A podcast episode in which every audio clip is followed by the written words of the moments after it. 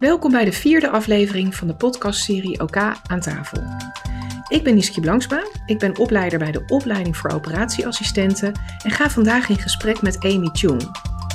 Zij is anesthesiemedewerker op de OK in het Amsterdam UMC. Ze vertelt ons iets over haar functie, over haar bezigheden en over het belang van een goede samenwerking met de operatieassistent. Welkom Amy, ontzettend leuk dat je er bent. Ja, dankjewel. Um, Amy, jij bent anesthesiemedewerker Ja, in klopt. het Amsterdam UMC, locatie AMC. Ja. Eh, zou je wat over jezelf willen vertellen en over je beroep? Zeker. Nou, ik ben dus Amy Chung, zoals ik net al zei. Ik werk in het AMC en ook op het VUMC, maar ik ben oorspronkelijk begonnen in het AMC. Ehm, ik ben 30 jaar en ik ben mijn opleiding begonnen toen ik 23 was. Want ik heb daarvoor de HBOV gedaan en toen ben ik ook in aanraking gekomen met het beroep zelf. Want ik kende het eigenlijk helemaal niet.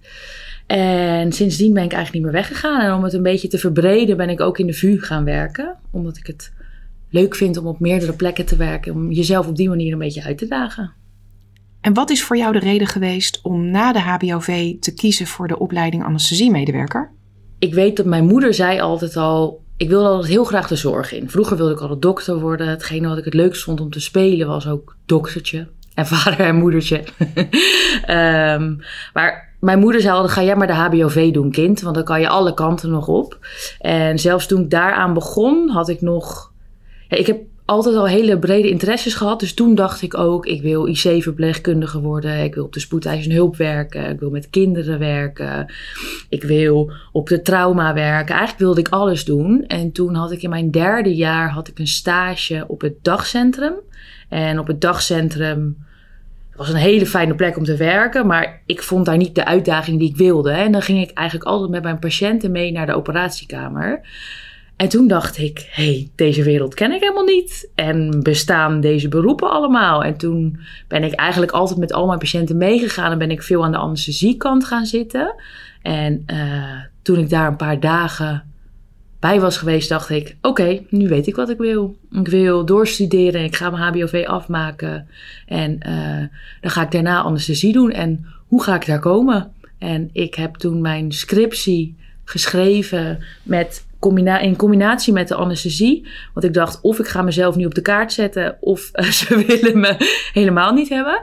En ik heb toen mijn scriptie geschreven over warmtemanagement op de afdelingen. Omdat warmtemanagement is natuurlijk ook op elkaar een groot ding. Dus toen heb ik het ja. doorgetrokken naar de afdelingen. En dat vond de unit manager toen van de anesthesie uh, een goed, goede opdracht om te doen. En daar heb ik volgens mij een 7,6 voor gehaald. En toen zei ik, misschien wil ik ook wel solliciteren. En toen uh, mocht ik de opleiding komen doen. Hartstikke leuk. Ja, heel leuk. Wat leuk dat je ja. op die manier inderdaad in aanraking bent gekomen ja. met het vak. Ja. En dat je zo bewust en gericht dus je mm. opleiding ook hebt ingestoken. Ja. Um, ja. Ontzettend leuk om te horen. Ja, en eigenlijk alle combinaties die ik daarvoor leuk vond. Dus de trauma, de kinderen, de nou, alles wat me leuk leek, uh, dat doe je ook op een operatiekamer. Dus eigenlijk is alles wat ik leuk vond bij verpleegkunde nu nog leuker teruggekomen. Ja, ja superleuk. Wel, ja. Nou, voordat we ingaan op uh, het bekendheid geven aan, aan mm -hmm. ons Mhm. vak, want dat is ook waarom we hier vandaag met elkaar spreken, uh, kun je voor de luisteraar um, illustreren hoe jouw baan eruit ziet? Wat doe je nou zo al op een dag als anesthesiemedewerker? Nou, ik zeg altijd, we zijn 100% faciliterend voor de chirurg. Want het enige wat wij hoeven doen, is dat de chirurg zijn werk kan doen. Ja. Want uh, voor ons, wij kunnen iemand in slaap maken en daarna weer wakker maken. Maar tijdens de operatie zijn wij er eigenlijk alleen degene die moet zorgen dat de chirurg kan werken. Dus dat is wat je tijdens de operatie doet. En dat betekent dat je zorgt dat de patiënt blijft slapen. Dat ze pijnstilling hebben. En dat ze dus eigenlijk stil liggen en, nou, hoe je het noemt, slap zijn. Ja. Want chirurgen moeten, als, je, als ze bijvoorbeeld in de buik moeten werken en uh, een buik is heel erg gespannen, dan hebben ze veel minder ruimte om in die buik te kijken. Dus dan zorg je ook voor spierverslapping. Want voor de slaap hoeven ze voor ons niet verslapt te zijn, maar bijvoorbeeld wel voor de chirurg. Dus dat is ook faciliterend voor de chirurg wat je dan doet. En dat is eigenlijk continu ben je alles in normale waarden aan het houden. Dus je zorgt dat de bloeddruk normaal blijft. Je zorgt dat de frequentie normaal blijft. Je zorgt dat de gehaltes in het bloed normaal blijven. En dat is wat je tijdens de operatie doet. Ja. En dan komt het moment van wakker maken weer.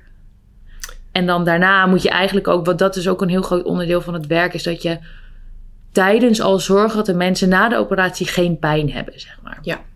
Ja, want die uitleiding, dat beschrijf je nu kort, maar dat is natuurlijk ook nog best wel een, een, een grote fase waarin ook Mhm. Van jullie heel wat verwacht wordt. Mhm. Eh, kan je daar nog iets meer over zeggen? Hoe gaat dat zo'n uitleiding? Nou, wat je hebt gedaan tijdens de operatie is eigenlijk alles overnemen van de patiënt. En bij de uitleiding wil je weer dat hij alles zelf gaat doen. Maar je kan niet zeggen, hij hoeft nog niet te ademen. Want je wil eigenlijk weer dat de patiënt alles zelf gaat doen. Dus je zorgt dat hij weer kan ademen, je zorgt dat hij weer kan slikken.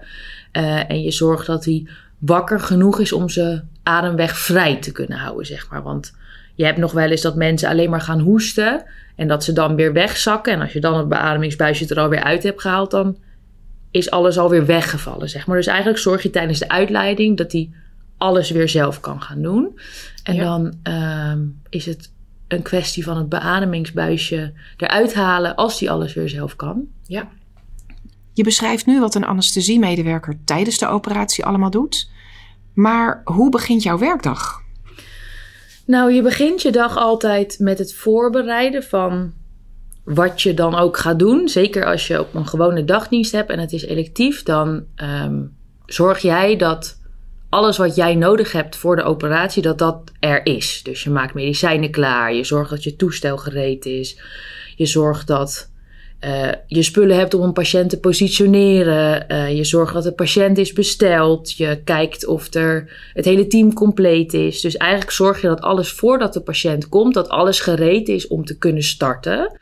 Betekent dat bijvoorbeeld ook dat je dan eh, de patiënt achtergrond eh, eh, ook gaat bestuderen? Dat je precies weet wat voor soort patiënt je op de OK krijgt? Ja, zeker, zeker. Dat is heel belangrijk, denk ik. Wat ik altijd persoonlijk doe. Sommige mensen doen het op de dag zelf, maar ik kijk eigenlijk altijd de dag van tevoren naar mijn patiënten, zodat je ook je kan voorbereiden op als dingen niet zo standaard zijn. Soms zijn dingen natuurlijk heel standaard en dan is het heel makkelijk. Dan is je voorbereiding ook maar een minuut of tien. Eh ligt er een beetje aan hoe snel je werkt. Je kan er ook rustig aan doen.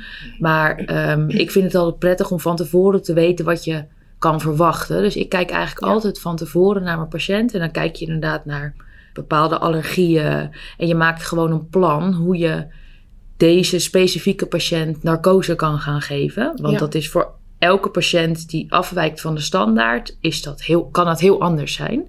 Kan je bijvoorbeeld een voorbeeld noemen van een patiënt die op bepaalde aspecten afwijkt, waardoor jij je plan moet gaan aanpassen?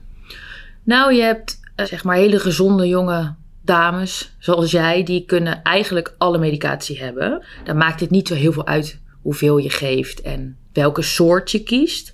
Maar mensen eh, met een hartafwijking, of zeg maar een slecht hart eigenlijk, die kan je, als je maar een hele lage dosis geeft van bepaalde medicijnen, kan je best wel grote problemen veroorzaken. Als ze bijvoorbeeld een hele grote eh, klepafwijking hebben of zo. Als er een stenose zit in een aortaklep, dan kan je met hele, heel weinig medicatie, als je er niet voor zorgt ehm, dat er druk blijft als bloeddruk, zeg maar, Ja. dan kan je best wel in de problemen komen. Dus wat dat betreft Ja. moet je daar goed over nadenken. Je draait zowel dagdiensten als nachtdiensten. Mhm. Eh, hoe zie jij dat verschil? Is, is er een groot verschil? Eh, kun je daar iets over vertellen? Ja, je hebt overdag is het namelijk, nou voornamelijk eh, electieve programma's, waardoor er, waartussen er altijd nog wel spoeddingen zijn natuurlijk, want je hebt overdag ook spoeddingen, maar er zijn er vooral de electieve programma's, dat is hetgene wat het grootste eh, gedeelte inneemt. Ehm, en het verschil daarmee is dat je dus alles je patiënten van tevoren kan voorbereiden. Wat ik zei, de dag van tevoren, een plan maken, ehm, bedenken wat de beste manier is voor deze patiënt. En als het een spoedpatiënt is, wat dus eigenlijk alle patiënten die in de avond of in de nacht binnenkomen, dat is per definitie spoed. En de een is gillende spoed en de ander is. Dat moet wel vanavond, maar het mag ook over twee uur. Ehm, dat is natuurlijk nog wel een verschil. Maar daar is de voorbereidingstijd is totaal anders. Want Ja. je kan niet een uitgebreid plan maken door nog allemaal dingen uit te zoeken. Je maakt altijd een plan, hoe kort ook. Want Ja. je gaat niet zomaar naar iemand toe en gewoon maar beginnen. Dus je maakt altijd een plan. Maar de voorbereiding is wel echt anders. Ja. Amy, jij hebt iets heel bijzonders. Je hebt een ontzettend uh, veelbezocht Instagram-account. Ja. Uh, OK Stories heet het. Hm. Kun je ons daar iets over vertellen?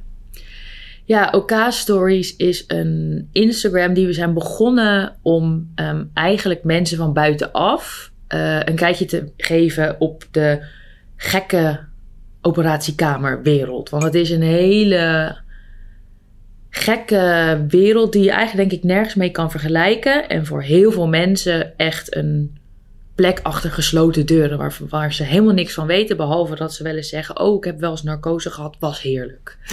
ja, dat soort verhalen hoor ik altijd alleen maar. En verder niet uh, dat mensen er ook maar iets van begrijpen wat daar eigenlijk allemaal gebeurt. Ja.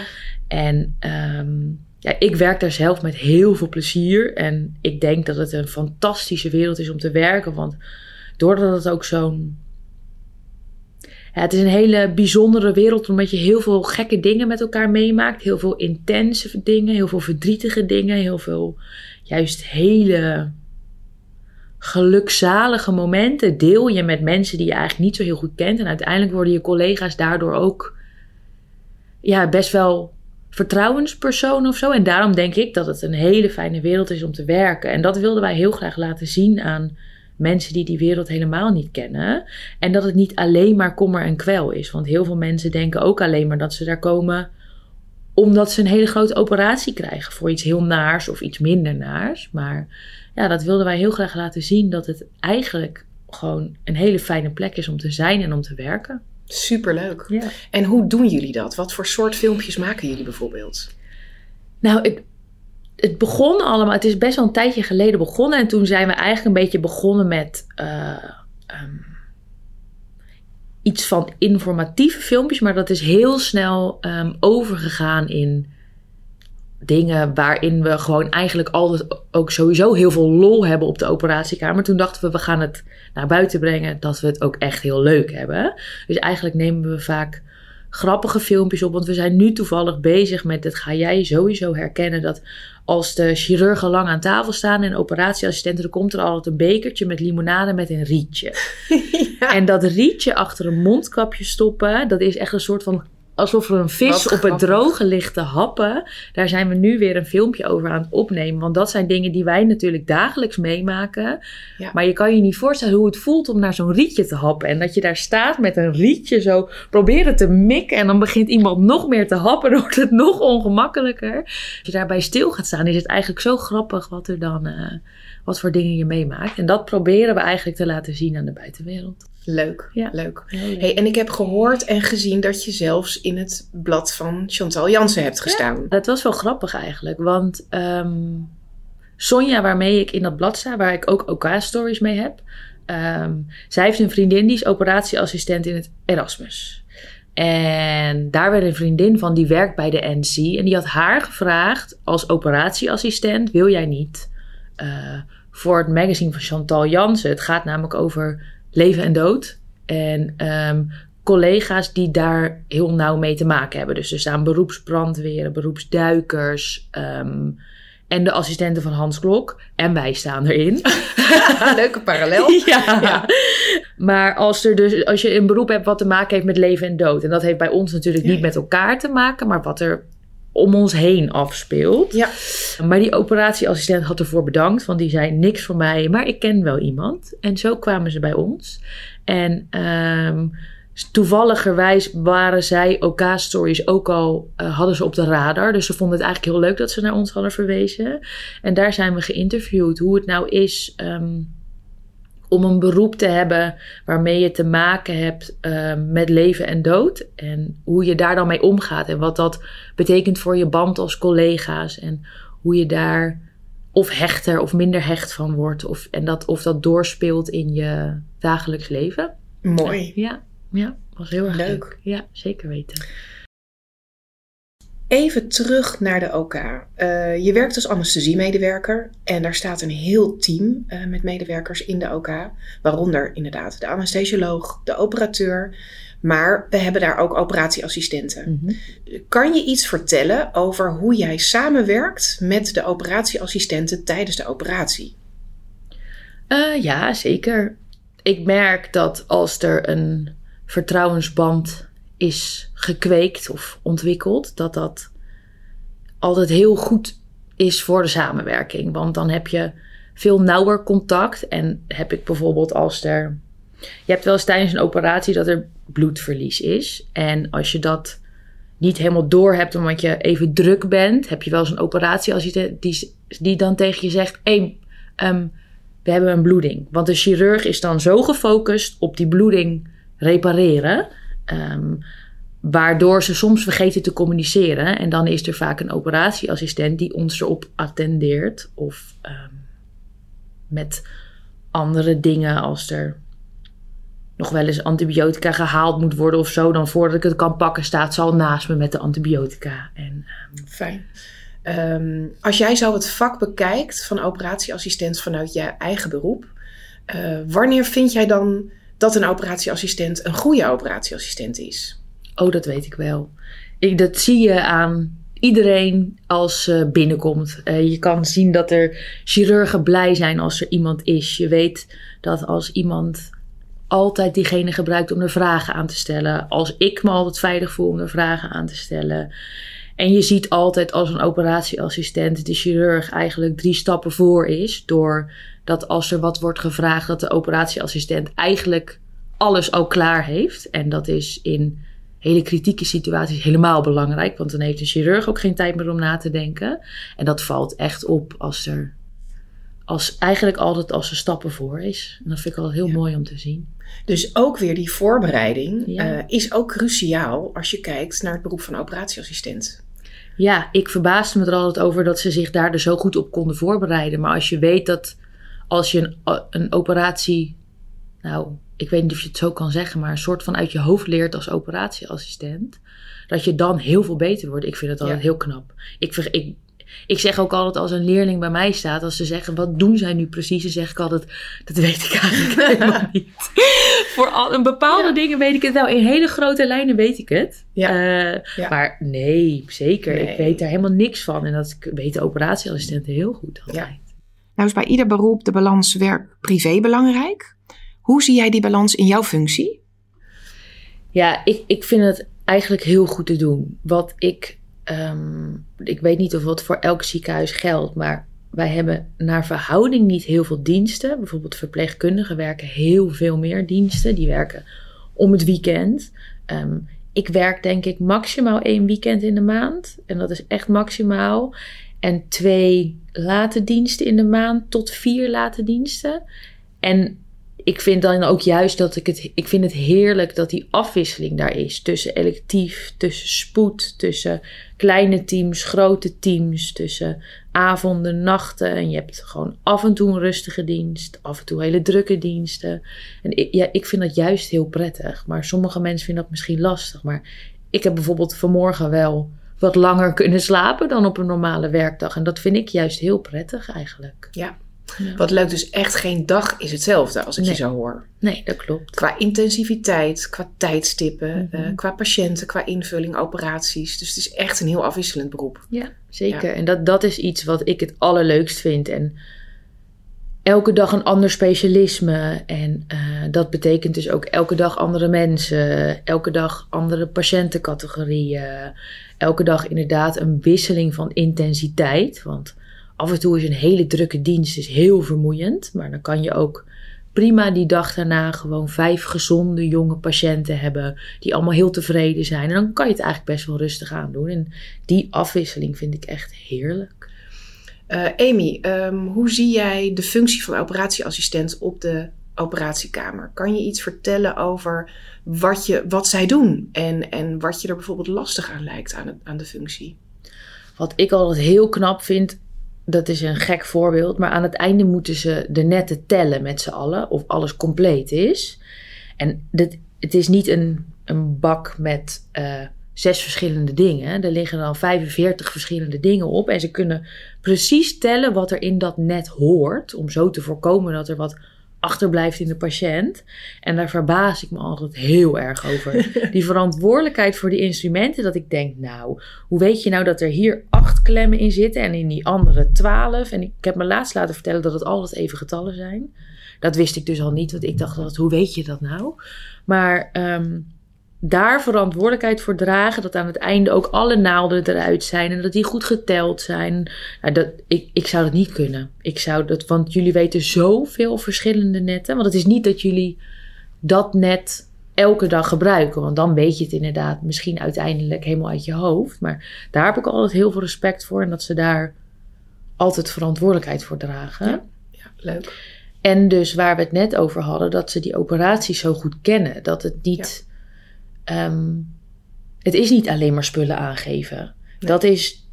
Ik moet heel eerlijk zeggen dat voordat ik begon aan de anesthesie, dacht ik ook dat een operatieassistent dat deed. Maar meer, net als dat ik niet wist wat een anesthesiemedewerker deed, wist ik eigenlijk ook niet wat een operatieassistent deed. Dus ik dacht eigenlijk dat het spullen aangeven was. Wat waarschijnlijk heel veel mensen denken als je het beroep niet kent. Juist, ja. En het is zoveel meer dan alleen maar spullen aangeven. Want jullie weten precies wat er gaat gebeuren. En als het dus inderdaad confronteren wordt van laparoscopisch naar een laparotomie, dat je dan om moet gaan. En wat ik ook altijd zo verbazingwekkend vind, is dat als jullie elkaar overnemen na een dienst, dat je iemand anders de tafel neemt en dat je het dan ordent op je eigen manier. En dat dat even vijf minuten duurt. En dat je dan weer doorgaat alsof je er altijd staat als jezelf. Dat iedereen zijn eigen manier heeft gevonden. Om de chirurg zo goed mogelijk te assisteren. En ja, dat, ik vind dat altijd heel bijzonder. Ja. Heb jij een, een, een, bepaald moment waarvan je dacht van nou, dit was wel echt mijn gloriemoment op de OK? Ik heb dat toevallig, volgens mij is dat twee dagen geleden geweest. Dat, dat ligt nu waarschijnlijk omdat het vers in mijn geheugen zit. Uh, we hadden een keizersnee. Het is, lijkt nu net of ik alleen maar keizersnedes doe. maar uh, er was een keizersnee en deze dame was eigenlijk um, best wel een beetje bang. Want ze vond het heel spannend. Uh, ze kreeg een ruggenprik. Um, ze wist niet wat er allemaal ging gebeuren. Ze had al twee keer eerder een ruggenprik gehad. maar dat was allemaal in spoedsetting en dit was in electieve setting. En ik ben echt van mening dat je door met patiënten te communiceren, kan je ze heel veel laten doen en kan je ze heel erg op hun gemak laten voelen.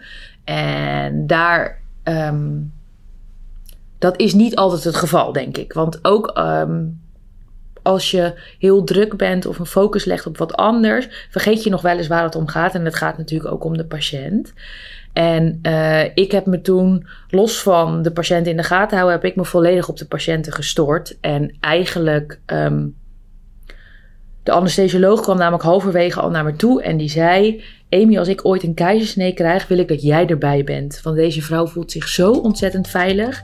En aan het einde kreeg ik een knuffel van haar en heeft ze me heel erg bedankt. En dat was niet omdat um, alles zo perfect ging, maar omdat ik haar gewoon met liefde heb begeleid, zeg maar. Zonder alleen maar alleen maar te zeggen het komt goed, maar door haar te vertellen wat ze precies kon verwachten, waardoor ze er wel doorheen is gekomen. En dat soort momenten vind ik echt het meest fantastische aan mijn werk. Als je Prachtig. iemand hebt die je dankbaar is. En als het dan ook nog wordt gezien door een anesthesioloog en die zei: Ik heb maar een stapje naar achter gedaan, want ik zag dat jij die, de, uh, diegene was wat die vrouw nodig had op dat moment. En dat, dat vind ik echt fantastische dingen aan mijn werkkamer.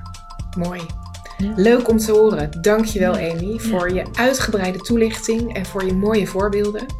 En ik wens je nog heel veel succes in je verdere loopbaan. Dankjewel. Geen dank. Graag gedaan. Ik vond het leuk. Dankjewel voor het luisteren naar deze podcast. Ben je nieuwsgierig geworden naar de filmpjes van Amy? Dan kun je op Instagram kijken op haar account OK Stories. En wil je meer weten over de functie van operatieassistent of anesthesiemedewerker? Kijk dan op www www.amstelacademie.nl